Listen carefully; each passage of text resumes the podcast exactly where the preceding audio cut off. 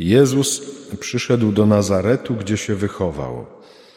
W dzień szabatu udał się swoim zwyczajem do synagogi i powstał, aby czytać. Podano mu księgę proroka Izajasza. Rozwinąwszy księgę, znalazł miejsce, gdzie było napisane: Duch Pański spoczywa na mnie, ponieważ mnie namaścił i posłał mnie, aby mu Bogiem niósł dobrą nowinę, więźniom głosił wolność, a niewidomym przejrzenie, abym uciśnionych odsyłał wolnymi, abym obwoływał rok łaski Pana. Zwinąwszy księgę, oddał słudze i usiadł. A oczy wszystkich w synagodze były w niego utkwione. Począł więc mówić do nich: Dziś spełniły się te słowa pisma, które słyszeliście. A wszyscy przyświadczali mu i dziwili się pełnym łaski słowom, które płynęły z ust jego i mówili: Czy nie jest to syn Józefa? Wtedy rzekł do nich: Z pewnością powiecie mi to przysłowie: Lekarzu, ulecz samego siebie. Dokonajże i tu w swojej ojczyźnie tego, co wydarzyło się, jak słyszeliśmy w Kafarnaum. I dodał: Zaprawdę powiadam wam, żaden prorok nie jest mile widziany w swojej ojczyźnie. Naprawdę mówię wam, wiele wdów było w Izraelu za czasów Eliasza, kiedy niebo pozostawało zamknięte przez trzy lata i sześć miesięcy, także wielki głód panował w całym kraju. A Eliasz do żadnej z nich nie został posłany, tylko do owej wdowy w Sarepcie Sydońskiej. I wielu trędowatych było w Izraelu za proroka Elizeusza, a żaden z nich nie został oczyszczony, tylko Syryjczyk Naaman. Na te słowa wszyscy w synagodze unieśli się gniewem. Porwawszy się z miejsc, wyrzucili go z miasta i wyprowadzili aż na urwisko góry, na której zbudowane było ich miasto, aby go strącić. On jednak, przeszedłszy pośród nich, oddalił się. Wczoraj mówiliśmy o tym, że staramy się zająć tym kawałkiem ziemi, Y, y, które jest nam powierzone, czy że właśnie nastroić ten instrument, który nam się może porozstrajał. Czego my właściwie potrzebujemy, żeby tym się zająć i żeby nie tylko zajmować się tym samemu, ale żeby pozwolić Panu Bogu się zająć moim życiem i to, y, co tym, co dotyczy mojego życia, właśnie tym, E, co zostało mi jakoś powierzone, żeby się w tym dobrze odnaleźć.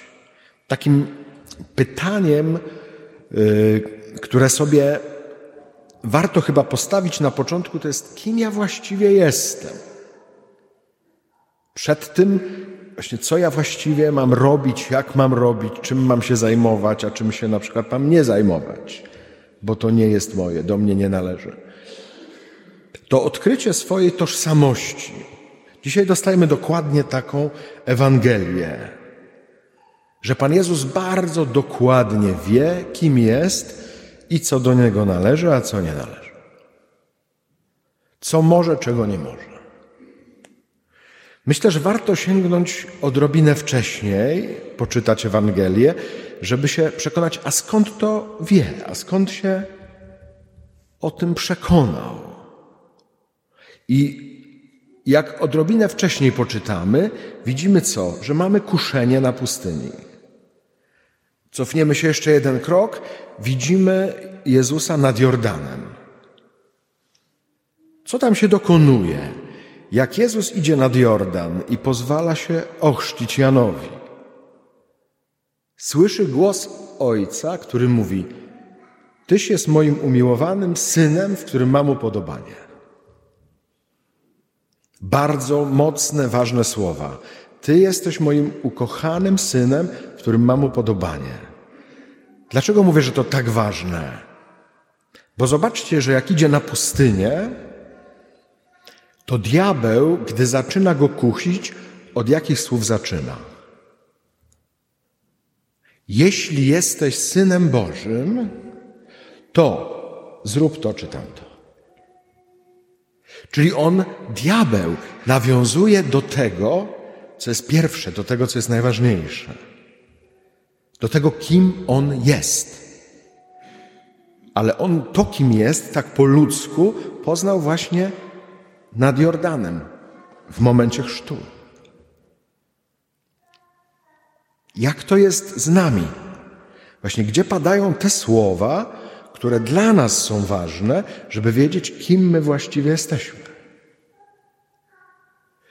Jak Jezus mówi tak, odczytując księgę Izajasza, Duch Pański nade mną, ponieważ mnie namaścił i tak dalej, i tak dalej, a potem dodaje, dziś spełniły się te słowa, któreście słyszeli na mnie. Chociaż on przyszedł do synagogi i robił dokładnie to, co zawsze. Bo tu jest napisane, jak miał w zwyczaju, czyli nie pierwszy raz. Powstał, aby czytać, podano mu księgę, otworzył, przeczytał. To jest trochę tak, jakbyście patrzyli na ministrantów i nie dziwili się, prawda? No jeżeli jest ministrantem, no to nikt się nie dziwi, że tutaj jest tak ubrany, że tu wychodzi, że czyta, że siada. Co w tym dziwnego? Znacie ich. Patrzę na ministrantów. Mam nadzieję, że mi wybaczą. Prawda? Jakby, no znasz, no wiesz, czyim jest synem, nie? Wiesz, gdzie mieszka. Jakby co w tym dziwnego? I dokładnie to jest to. Czy to nie jest syn Józefa? No tak. Ale jak on by wyszedł i powiedział, dziś spełniły się słowa pisma na mnie. No to nie wiem, kto by miał, ale bez przesady. No to po co czytasz? Żeby się spełniły, czy żeby się nie spełniły? Żeby się w tym słowie odnaleźć, czy nie? Żeby to słowo odczytało moje czy Twoje życie? Czy tak sobie czytamy o? Nie wiem, przypomina mi się moja ciocia, jakby zostałem klerykiem, pamiętam, przyjechałem na wieś, tam skąd pochodzi moja mama, e, przeczytałem czytanie i już ciocia na mnie czekała pod kościołem. Jak tylko wyszedłem, to mówi, Tomku, ty tak to czytałeś, jakbyś to rozumiał. Widocznie nie miała wcześniej takiego doświadczenia, że ktoś czytał, jakby rozumiał. No ale po co to wtedy czytamy? No bo tak trzeba? Nie, dzisiaj słowo nam mówi, bo w tym, co czytasz, jest o tobie. Że tutaj możesz znaleźć, kim jesteś. Jak właściwie my do tego podchodzimy? Hmm? Jest to opowieść o Jezusie. Właśnie widzimy, otrzymał słowo przy chrzcie, jak był na pustyni przez czterdzieści dni i się modlił, też czytał słowo i poznawał, kim jest. Potem, gdy przyszła pokusa, zwyciężył z pokusą, bo wiedział, kim jest, a jak wrócił do swojego miasta rodzinnego, zaczął to czytać, stanął na swoim miejscu. Jednocześnie doświadczył, że się to wszystkim nie podoba i chcieli go zrzucić ze skały. Tylko on wiedział, kim jest i przeszedł między nimi, bo wiedział, że nie nastąpiła jeszcze jego godzina. I poszedł dalej robić swoje, to co do niego należy. To bardzo jest o nim, ale też, czy nie jest to o nas? Takie pytanie gdzieś z tego słowa do mnie dociera. Mnie to najbardziej zachwyca, dlatego że zobaczcie, że to jest taki tłum, który się gromadzi wokół Pana Jezusa i oni są ściekli. Nie wiem, czy mieliście kiedykolwiek takie doświadczenie, że stoicie, a przed wami jest tłum. Nawet jeżeli to jest jedna osoba, no to nam już jest ciężko. Jeżeli ona jest rzeczywiście zdenerwowana, jakoś podekscytowana, czy jakkolwiek poruszona emocjami. Ale tam było więcej ludzi. A on miał w sobie taką odwagę, że przeszedł pomiędzy nimi, chociaż oni przyprowadzili go na skraj skały. Miał być rzucony. Co musiało być w nim takiego, że on miał taką pewność sobie, że spokojnie sobie pomiędzy nimi przeszedł? Zobaczcie, że y, Jezus miał tak nie jeden raz. Bo wtedy, kiedy zdjęli z niego wszystkie szaty w drodze krzyżowej, jak już szedł na śmierć, Oto on miał ciągle pewność sobie, że nawet jeżeli ściągną z niego ubrania, wystawią na pośmiewisko, Ogołocą go ze wszystkiego, nawet, nawet go na pośmiewisko wystawią, nie mogą mu zabrać jednej rzeczy. I to się objawia dopiero na krzyżu, kiedy on wyciąga ręce i wtedy recytuje psalm. Doskonale znamy te słowa. W psalmie Żydzi mówią: Boże, w Twoje ręce powierzam ducha mojego. I on, jako pobożny Żyd, nie powinien zmieniać żadnego słowa, nie naruszać żadnego słowa, dlatego że każda litera jest święta. Tego się nie narusza. A co on robi? On miał tak wpisane swoje synostwo, był tak pewny tego synostwa, że kiedy umiera na krzyżu, mówi: Ojcze, nie Boże, Ojcze, w Twoje ręce powierzam ducha mojego. To jest najważniejsze doświadczenie, jakie miał Jezus. To jest doświadczenie pierwotne. To jest doświadczenie, które on, on, jako człowiek, bo zobaczcie, że on był i Bogiem, i człowiekiem. Ojciec Tomasz to e, pokazał właśnie bardziej od tej strony ludzkiej, dlatego że Jezus jako człowiek przyjmuje na siebie ograniczenia, takie jakie my mamy. I on potrzebował wielokrotnie potwierdzenia w wodzie ścielnej, czy później na taborze, kiedy otwarły się niebiosa i powiedział Bóg, to jest mój syn, Tyś jest mój syn umiłowany, w Tobie mam upodobanie. Ale tak jak Jezus y, jako człowiek potrzebował tego potwierdzenia, tak każdy z nas też potrzebuje tego potwierdzenia. Jan Paweł II kiedyś powiedział jedno zdanie, które mi się wyryło totalnie w mózgu. Chodzi to za mną bardzo mocno. On miał takie zdania, y, sentencje. Kiedyś powiedział takie jedno zdanie: Żyjesz tak naprawdę wtedy, kiedy wiesz, że jesteś kochany. Żyjesz tak naprawdę wtedy, kiedy wiesz, że jesteś kochany. Jeżeli tego nie wiesz, nie żyjesz. Jeżeli tego nie wiesz, to niebo jest nad tobą zamknięte. Wtedy y, ludzie chodzą jakoś skarłowaciali.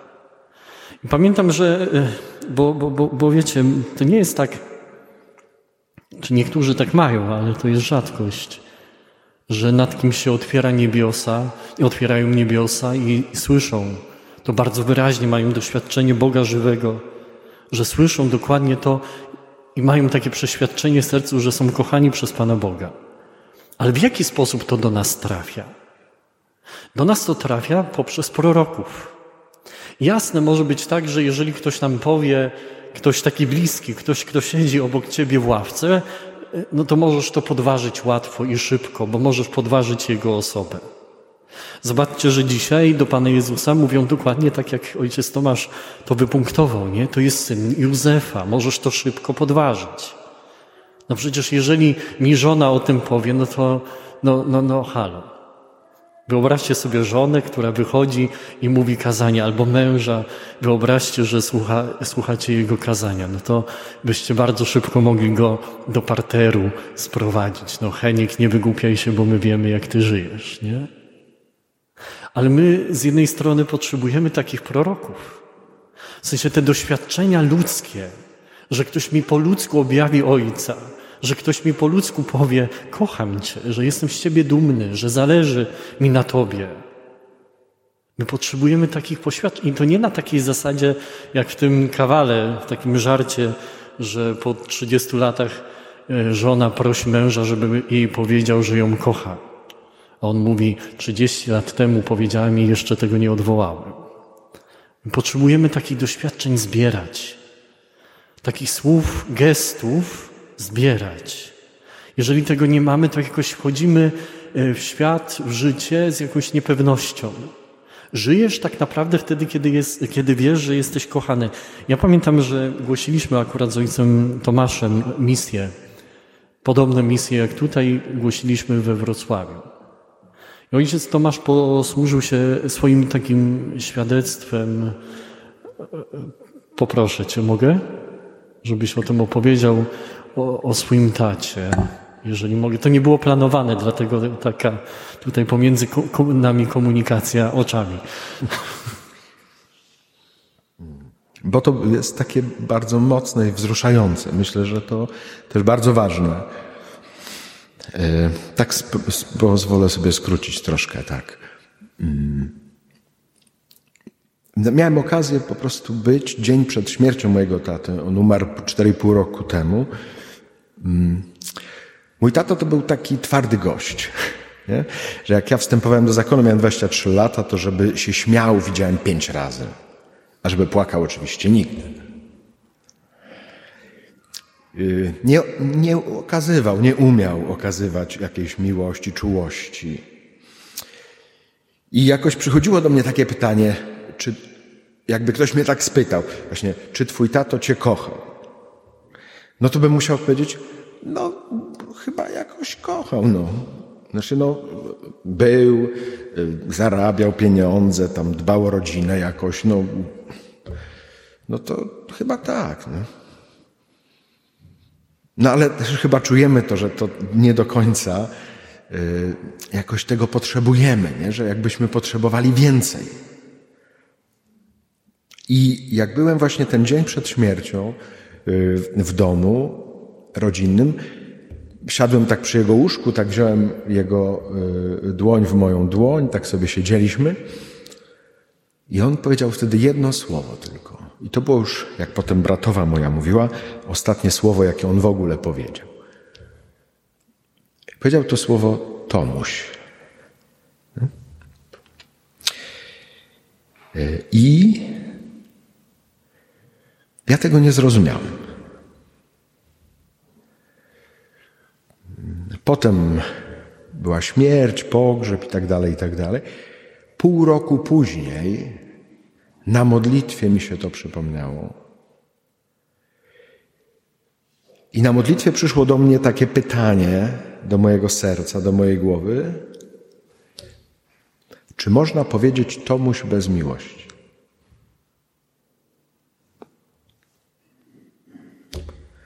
Jak to mówią, pozamiatane.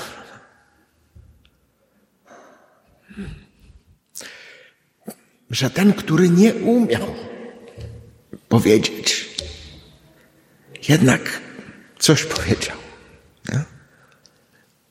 I widzicie, już jest prawie pięć lat, a ja już mi się łamie głos. Jedno krótkie słowo. A jak ważne.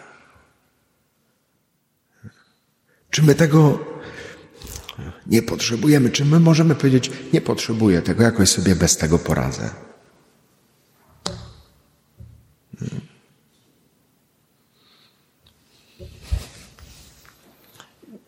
Po tym, jak to usłyszałem, y, miałem okazję być w domu. Mój tata umiera na nowotwór, w sensie leczy się ostatnie lata. Kupiliśmy, w sensie rodzice kupili mu smartfon. Taki, bo telefon mu się popsuł. Byłem w domu i miałem go nauczyć, w jaki sposób się z niego korzysta, i to było akurat na świętego Piotra i Pawła. Leżeliśmy obok siebie, w sensie ja się dołożyłem do niego, do łóżka, do taty. I chciałem go nauczyć tak trochę w praktyce. I mówię, no to zadzwoń do swojego syna, do Piotra, do mojego brata i weź mu powiedz życzenia, złóż mu życzenia. Ale co ja mam mu powiedzieć? Powiedz mu, że jesteś z niego dumny. Ja zawsze to mówię. Ale czy powiedziałeś to kiedyś jemu? Ale ja zawsze to mówię. Zadzwoń do niego, chociaż chodzi o to bardziej, żebyś się nauczył, w jaki sposób to obsługiwać. Ale on przyjdzie na y, obiad, no to ja mu wtedy powiem życzenie.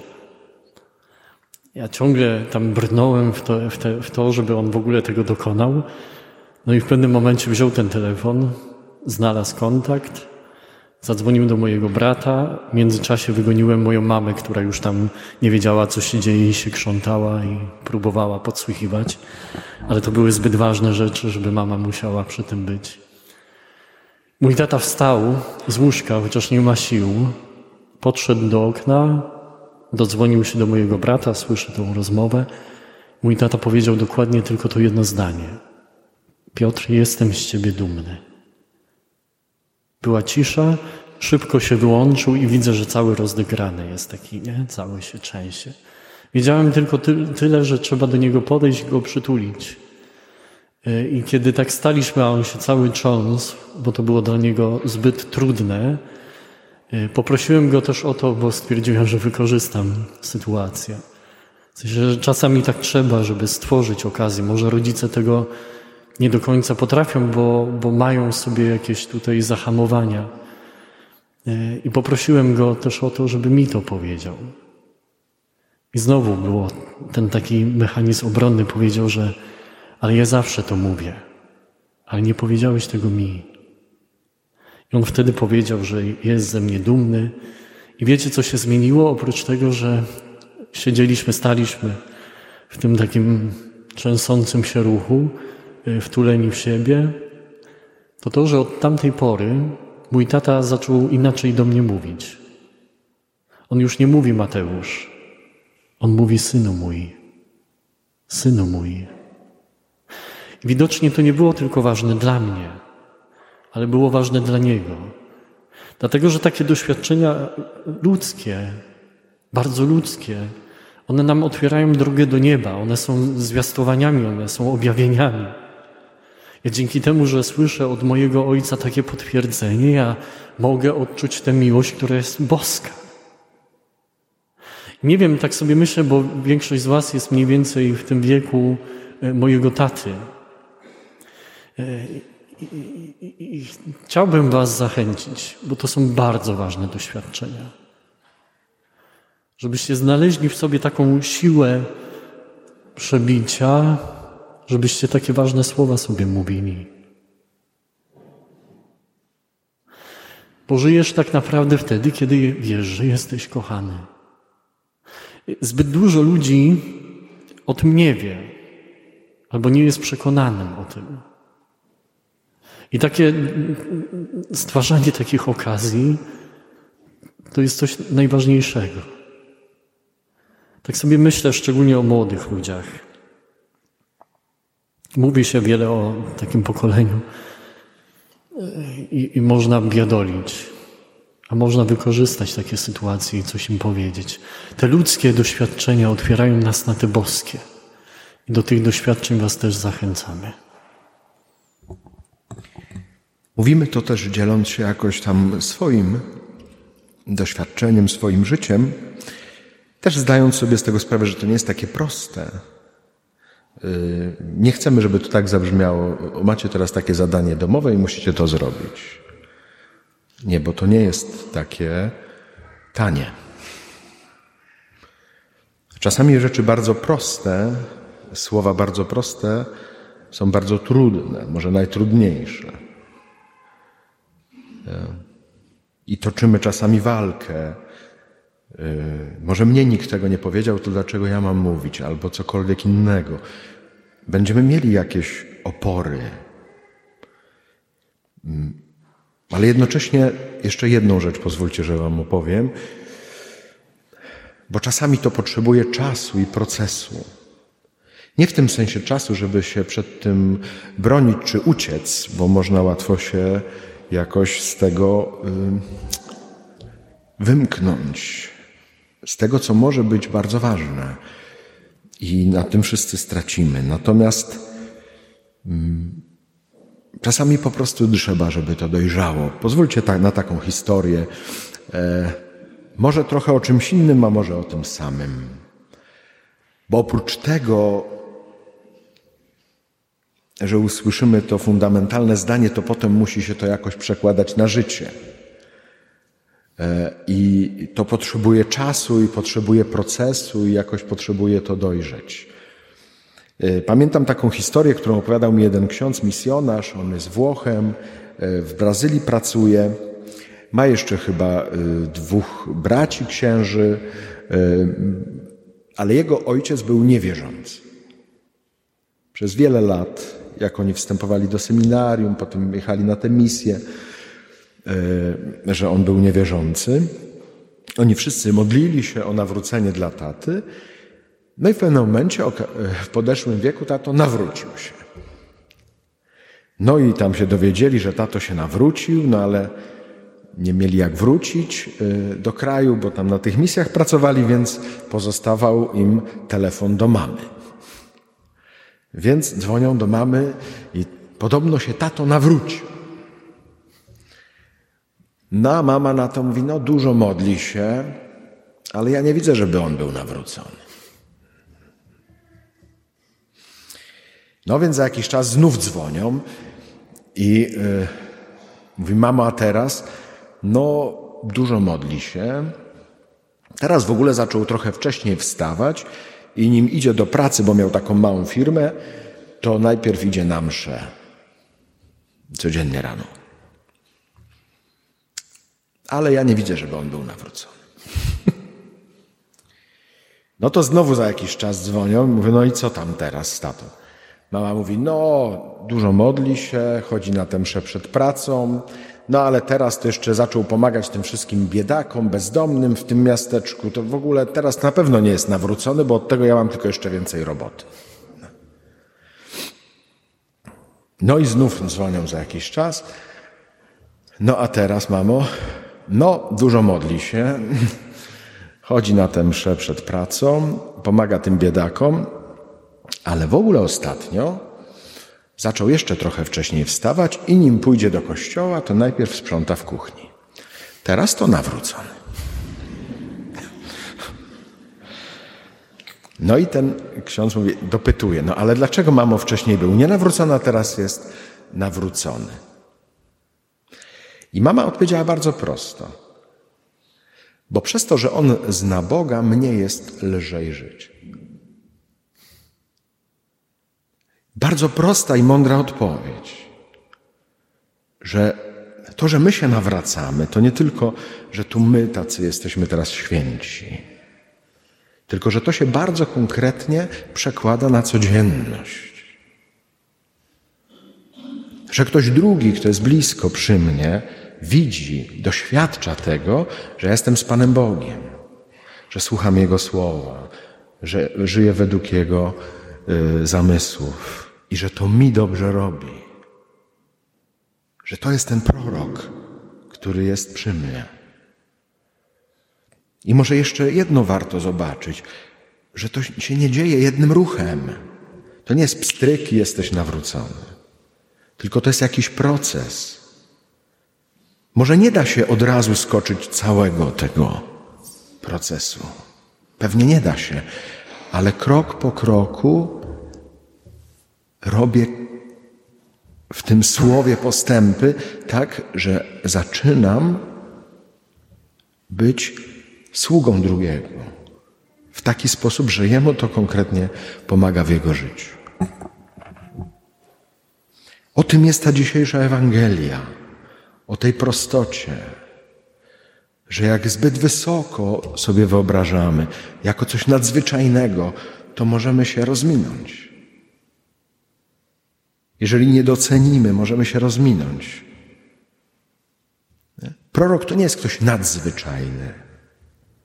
Prorok to jest ten, który przynosi mi prawdę o mnie, o moim życiu. Taką prawdę, która pozwala mi siebie zmieniać na lepsze.